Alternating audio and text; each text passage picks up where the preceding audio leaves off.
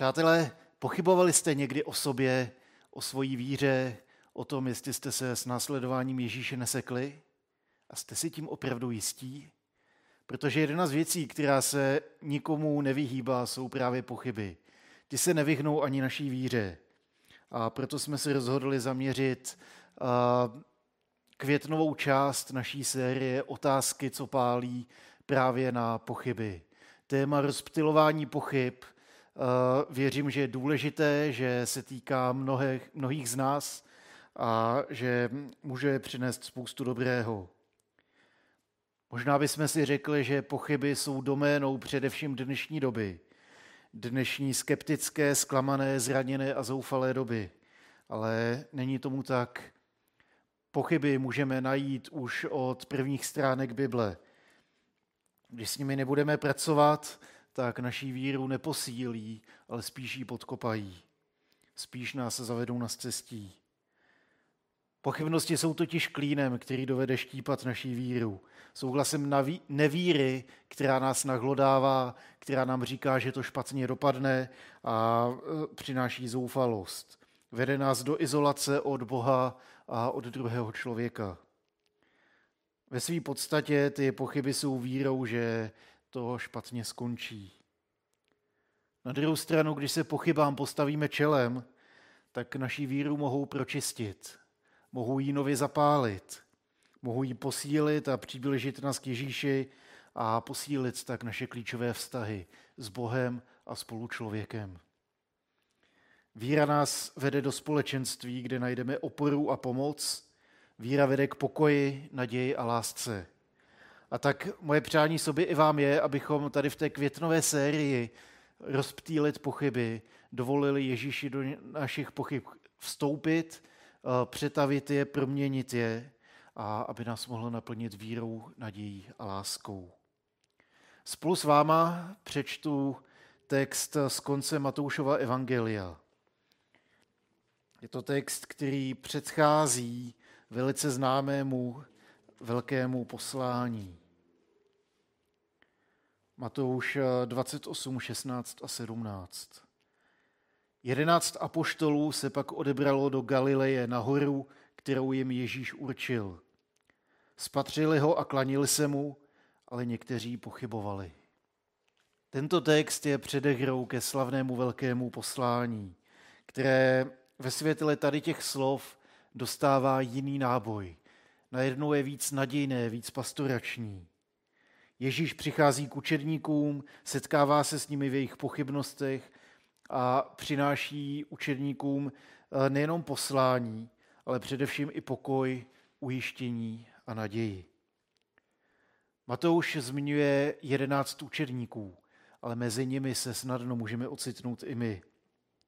Učeníci Ježíše viděli, klanili se mu a někteří pochybovali. V našich životech také přicházejí chvíle, kdy Ježíše vidíme v tom, co se děje kolem nás. Občas jsou chvíle, kdy ho uctíváme a klaníme se mu. A občas jsou chvíle, kdy pochybujeme. Tady v tom týdnu jsem vyhledával nějaké statistiky ohledně pochyb a ukázali mi, že v tom zdaleka nejsme sami. Pochybnosti se podle výzkumů společnosti Barna týkají dvou třetin křesťanů. 26% dotázaných si právě teď prochází nějakýma pochybnostma.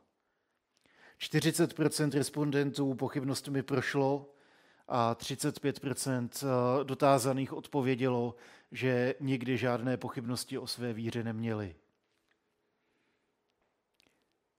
Ten text, který jsme četli, je pro mě důležitý, protože nám připomíná, že i v kruhu jedenácti a dokonce přímo při zjevení vzkříšeného líčí Matouš církev jako corpus mixtum, jako smíšené společenství, ve kterém někteří pochybují.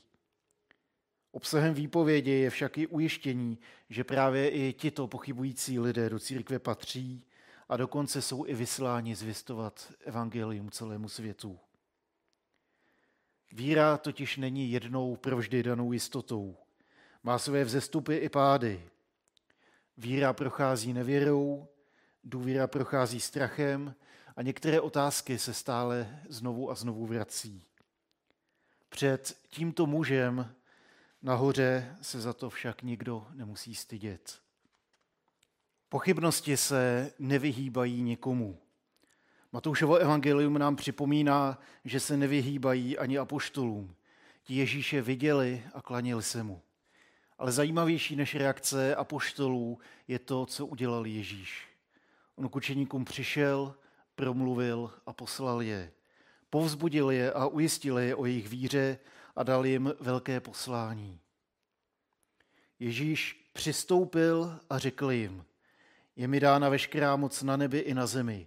Jděte ke všem národům a získávejte mi učedníky, křtěte je ve jméno Otce i Syna i Ducha Svatého a učte je, aby zachovávali všecko, co jsem vám přikázal. A hle, já jsem s vámi po všechny dny až do skonání tohoto věku. V této perspektivě ten text velkého poslání vyznívá pastoračně. Ježíšův zájem o jednotlivce a jejich situaci neutuchá ani po vzkříšení. Přestože učeníci pochybovali, tak Ježíš k ním přichází. Neodmítá je, ale setkává se s nimi v jejich pochybách. Promlouvá k ním a přijímá je. Dává jim ujištění, že je stále s nimi až do konce. A jeho slova jsou také vyslovením veliké důvěry. Posílá je s úkolem, protože jim věří. Těm, kdo by snad učeníkům záviděl, že tenkrát bylo snadnější uvěřit, když jsem vzkříšený osobně zjevil, tak Matouš vzkazuje, že i tenkrát to bylo otázkou víry a rozhodnutí, právě tak jako dnes. Ve víře v Ježíše se pochybám můžeme vzepřít. A vzepřít se pochybám znamená vzepřít se izolaci, vzepřít se svému egu a svému pohodlí. Znamená to nechat Ježíše promluvit, přijít k nám a poslat nás. Vzepřít se pochybám znamená vzepřít se izolaci, svému egu a svému pohodlí. Znamená to nechat Ježíše přijít, promluvit a věřit nám. V tom je to stejná otázka víry, spojená s krokem do neznáma, jako tomu bylo i pro našich jedenáct apoštolů. Nechat Ježíše přijít do našich pochybností znamená vzepřít se izolaci. Neutíkat od Ježíše ani od jeho následovníků, protože nám chtějí pomoci, protože oni k nám přicházejí. Neutíkat od Ježíše znamená nestahovat se do izolace, protože se stydíme za svoje pochyby. Ďáblovou lží je právě to, že se nás snaží přesvědčit, že na to jsme sami, že jedině já trpím tady tím problémem a že je to obrovská ostuda. Děje se to pouze mně, protože jsem špatný člověk. Nenechte se semlít tady tou lží. V pochybách nejste sami. Spousta našich bratrů a sester s nima zápasí také. Spousta jimi už prošlo a můžou se nám stát oporou v tom našem zápasu. A především nepřichází k nám pouze oni, ale přichází k nám samotný Ježíš. Neutíkejme od něj a nechme ho promluvit do našich pochybností. Nechat Ježíše promluvit totiž znamená vzepřít se svému egu. Znamená to na chvilku naslouchat tomu hlasu zvenčí, jinému hlasu, než je ten náš. Jinému hlasu, než je ten, který nás sráží a vede do pochybností. Znamená to otevřít se životodárnému hlasu, který promlouvá slova, která budují a pozvedají. A nechat Ježíše nám věřit znamená vzepřít se našemu pohodlí.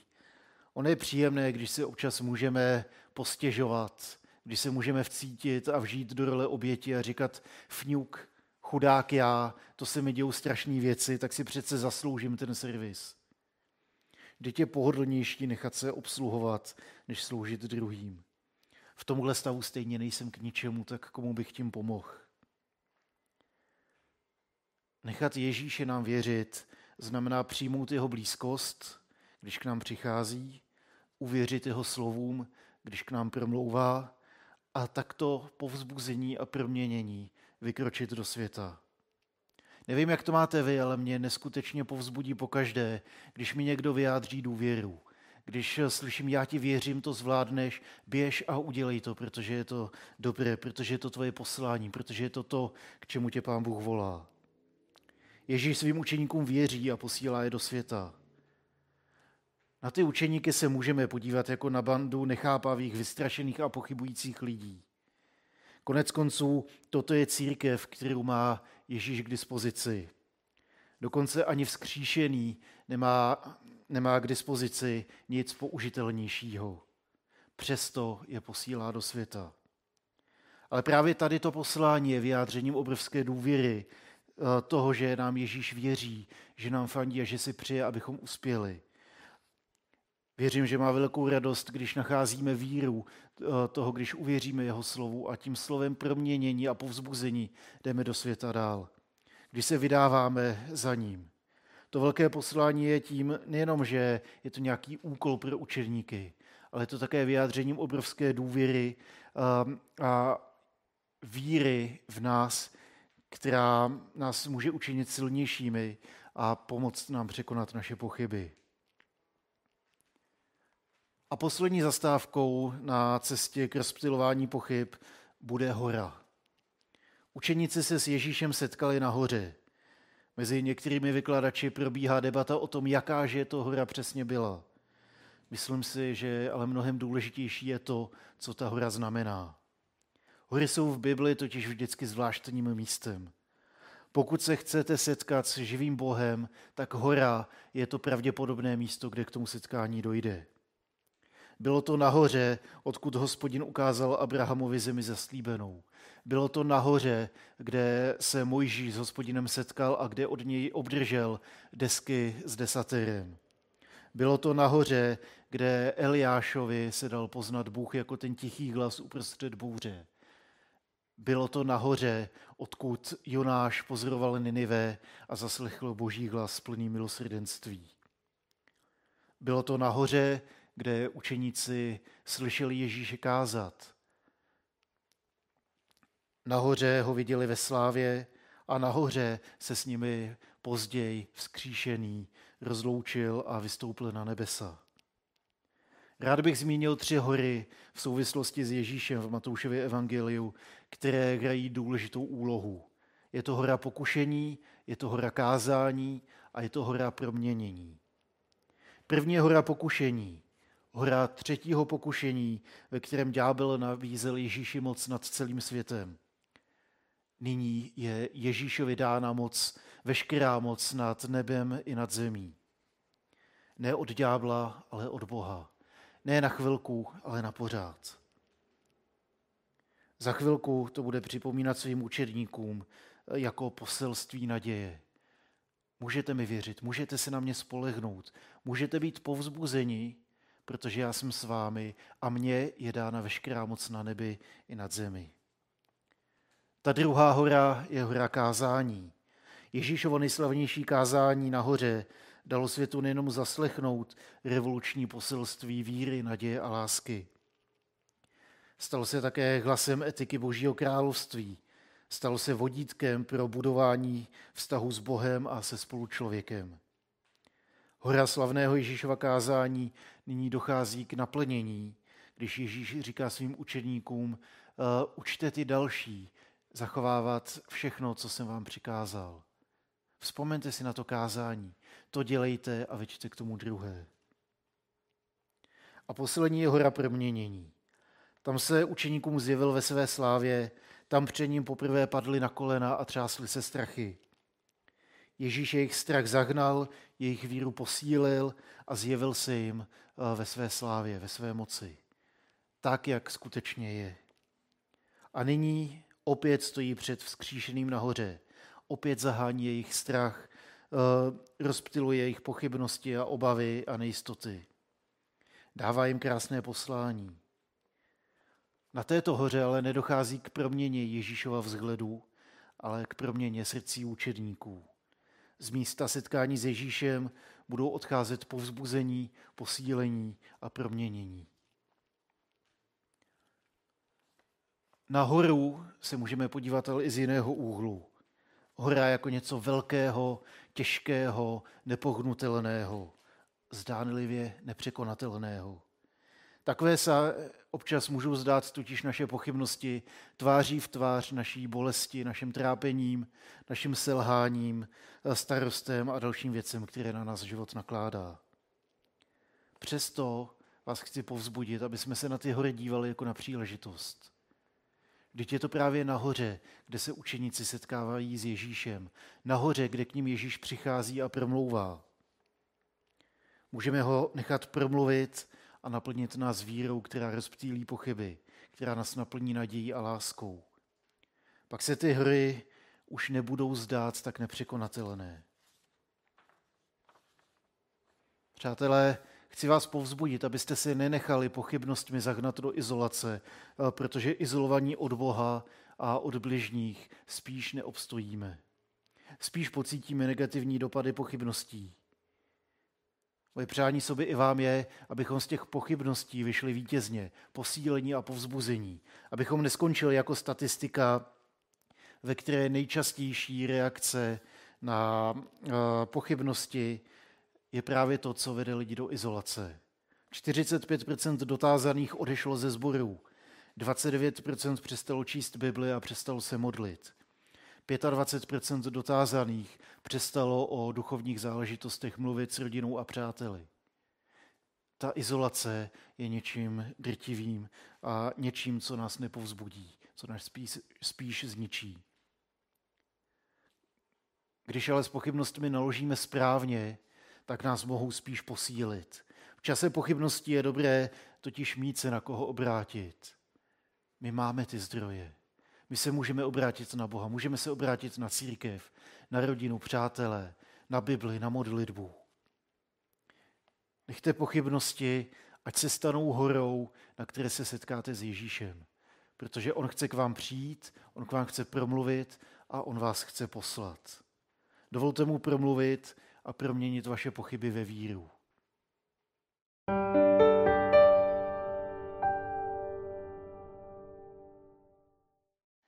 Tohle téma není úplně jednoduché téma, protože uh, myslím si, že není jednoduché v tom, že uh, neradí o tom mluvíme, mm-hmm. nebo respektive uh, neradí o tom mluvíme, když jsme v těch, těch pochybách, že jo, zpětně už jsme hrdinové, kteří se přesto přenesli, tak uh, už poučujeme ostatní, yep. ale když nás trápí ty pochyby, Uh, tak uh, si častokrát nevíme rady a možná ty jsi mluvil o té izolaci, mm-hmm. že mhm. vlastně uh, není úplně dobrý se izolovat. A moje otázka je, uh, nebo zní, jestli si myslíš, že v tom může sehrávat role i církev, nebo my jako mhm. součást mm-hmm. církve si můžeme vlastně být druhým nápomocní v tom, jako ty pochyby přiznat a přicházet s něma, mm. abychom se o tom společně bavili? Jo, děkuji, to je dobrá otázka. Ano a ano. um, není, není dobrá ta izolace o tom, co to s náma dělá, tak jsem mluvil v tom kázání a zároveň věřím, že církev může být obrovským povzbuzením právě tady, tady v těch situacích. Vzpomínám si na svoji první krizi víry, která přišla pár měsíců po tom, co jsem uvěřil. Hmm.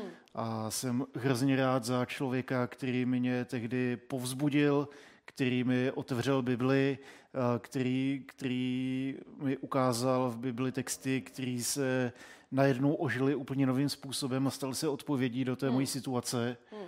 Takže tady to, já si, já si to hrozně vážím a myslím si, že tohle je ta cesta, že to je to, hmm. to, je to důležité, kdy církev vám může dát tady to povzbuzení. Ono důležité je taky, jak si nezakysnout v tom a nestydět se za svoje pochyby, protože proto jsem citoval ty statistiky, mm-hmm. že není to něco, co se děje pouze mně a že bych se za to měl stydět. Eh, Tim Keller říká, že to, že pochybujete o svojí víře, je dobrým znamením toho, že jste o ní začali přemýšlet. Mhm. Takže tady to je světlá mhm. stránka těch pochybností a důležité je to, jak s nima naložíme. Jestli je necháme, ať nám tu víru znehodnotí, zničí, podryjou, rozštípou, uh-huh. a nebo jestli, jestli ty pochybnosti vlastně mm, s vírou, s pomocí církve, s boží milostí eh, dovedeme přetavit eh, takovým způsobem, že to tu naší víru posílí. Uh-huh. A Petr píše, když vaše víra má projít zkouškou ohněm, tak oheň je to, co spálí ty blbosti a zůstanou, mm. zůstanou ty krásné čisté věci. Tak tady to, tady to je na oheň, můžou být právě i ty pochybnosti. pochybnosti. Mm. Že kolikrát, kolikrát ten oheň pročistí tu naší víru ano. a potom uh, už uh, mám vybojované odpovědi, které nejsou laciný mm. a který dovedou, který mm. dovedou opravdu hodně změnit, uh, změnit můj pohled na věc. Mm-hmm. Takže mm-hmm. tady to si myslím, že může být jeden, jeden z těch rozměrů. Možná, že to je taková zodpovědnost vlastně nás všech, mm, jako určitě. vzpomenout si na sebe a mít uh, pochopení mm. uh, pro lidi, kteří přichá, uh, procházejí nějakýma pochybnostma a a, a být pro ně, hmm. Eh, nejenom, že jim řekneme teda, jak to je, ale opravdu být pro ně eh, tím průvodcem, kdo jim pomůže jo. projít tímhle obdobím. A tam otázka na to možná druhá hmm. bude navazovat. Um, ty jsi tam taky zmínil v kázání jednu pěknou věc, že vlastně máme nechat Ježíše vstoupit mm-hmm. do těch našich pochybností.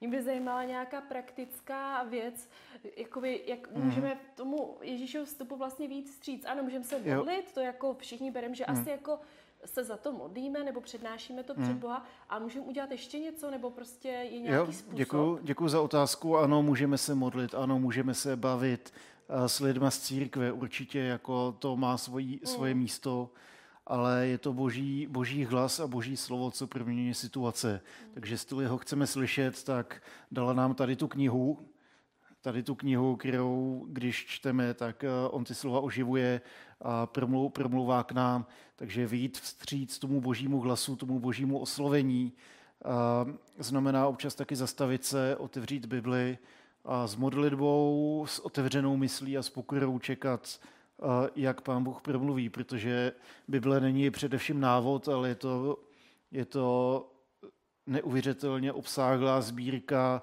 příběhů a životních zkušeností lidí, kteří s Bohem něco prožili. A právě tady to prožívání s Bohem, oni si taky prošli uh, nejrůznějšíma pochybnostma, situacema, tak věřím, že v Bibli můžete najít uh, situaci, která je velice podobná té, kterou prožíváte právě teď a pán Bůh pak tady ty slova uživí uh, nějakým novým způsobem. A nebo k vám naopak promluví skrz text, který doteď jste nevěděli, co s ním. Hmm. To, to je ta úžasná věc na Bibli, že když pán Bůh promluví, tak najednou, najednou to slovo ožije, zapadne to do sebe hmm. a dává to smysl. Takže určitě tady to je jeden ze způsobů, jak můžeme tomu vít vstříc. No tak napadá vlastně, že o pochybnostech můžeme mluvit jako o nějaké bitvě v duchovní hmm. oboji, který se odehrává tady někde v tom v duchovním bojišti a že vlastně pán Bůh nám do ní dal, jak říkáš, to zbraň, že přímo to tam i eh, v boží zbroji vlastně se mluví o božím jo. slovu jako o meči. Takže možná si můžeme nalistovat hmm. tu pasáž eh, o boží zbroji, přečíst si to a být pozbuzení v tom, že vlastně nejsme na to sami. Jo. Že prostě to není, ano, jako my můžeme v tom sehrát velkou roli, hmm. ale myslím si, že vlastně to klíčové je, jo. že Pán Bůh Nejs, Nejsme na to sami, Ježíš je v tom s náma. Mm, mm. Dal nám svoje slovo, to je ten meč, který můžeme kosit ty pochybnosti. Dal nám společenství církve, ve kterým on je přítomný a, a skrz slova druhých lidí nás může neskutečně budovat. A zároveň taky věřím, že nás posílá, abychom povzbuzovali ty, který hmm. vidíme, že, že se v těch pochybách uh, plácají, protože to není, že také já se budu teď usmívat, jo, tak to, ty ještě řešíš tady ten problém. Tak, tak to hmm. není. No, naopak věřím, že jak, když skutečně s Ježíšem povzbuzujeme lidi, tak uh, nás to vede do pokory, tak nás, uh, tak nás samotný těší to už jenom, že můžeme někomu nabídnout pomoc. Uh-huh. A taky ta pomoc neznamená prostě seznam nějakých rad, jo, to musíš tohle, tohle, tohle. Ale občas je to třeba jenom potichu sedět s tím člověkem a, a trpět mm. spolu s ním v těch pochybách. Mm-hmm, mm-hmm. Dobře, děkuju. Mm.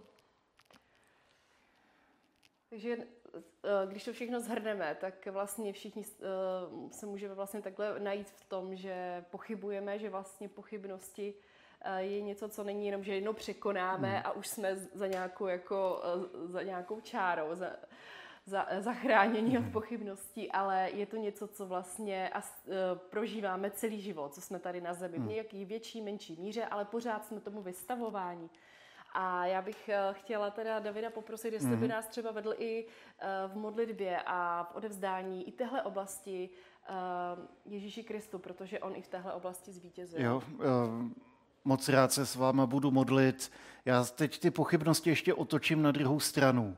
Pokud se nepovažujete za věřící lidi, pokud jste se s Ježíšem ještě nesetkali, možná je to právě jeho hlas, kdo vás teď oslovuje.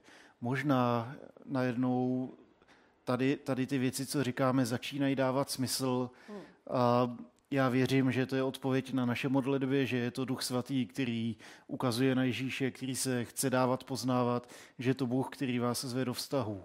Takže um, křesťanství není o souboru pravidel, není o tom chodit do církve a číst Bibli a modlit se, ale je to především o vztahu s Ježíšem Kristem. A pokud, pokud jste mu ještě nedali svůj život, tak já vám k tomu chci dát teď příležitost. A budu se modlit krátkou, stručnou modlitbu a chci vás povzbudit, abyste ji vírou přijali za svou. V té modlitbě říkám, dávám ti svůj život a přijímám ten tvůj. Hmm. A myslím si, že tady v tom je ukryto spoustu, spoustu pravdy že nechme Ježíše promluvit do té naší pochybnosti. Je to krok víry, ne vždycky máme všechny odpovědi hned pohromadě.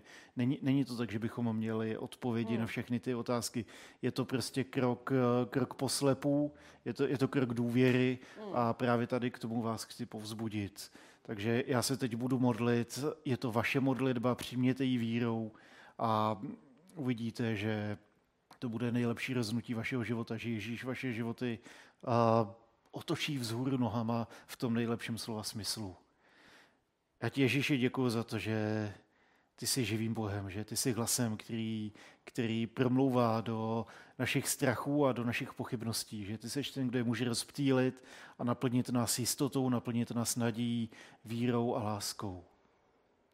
A tak věřím, že ty i ty moje pochybnosti můžeš změnit, že můžeš eh, překonat a tak ti dávám svůj život a přijímám ten tvůj.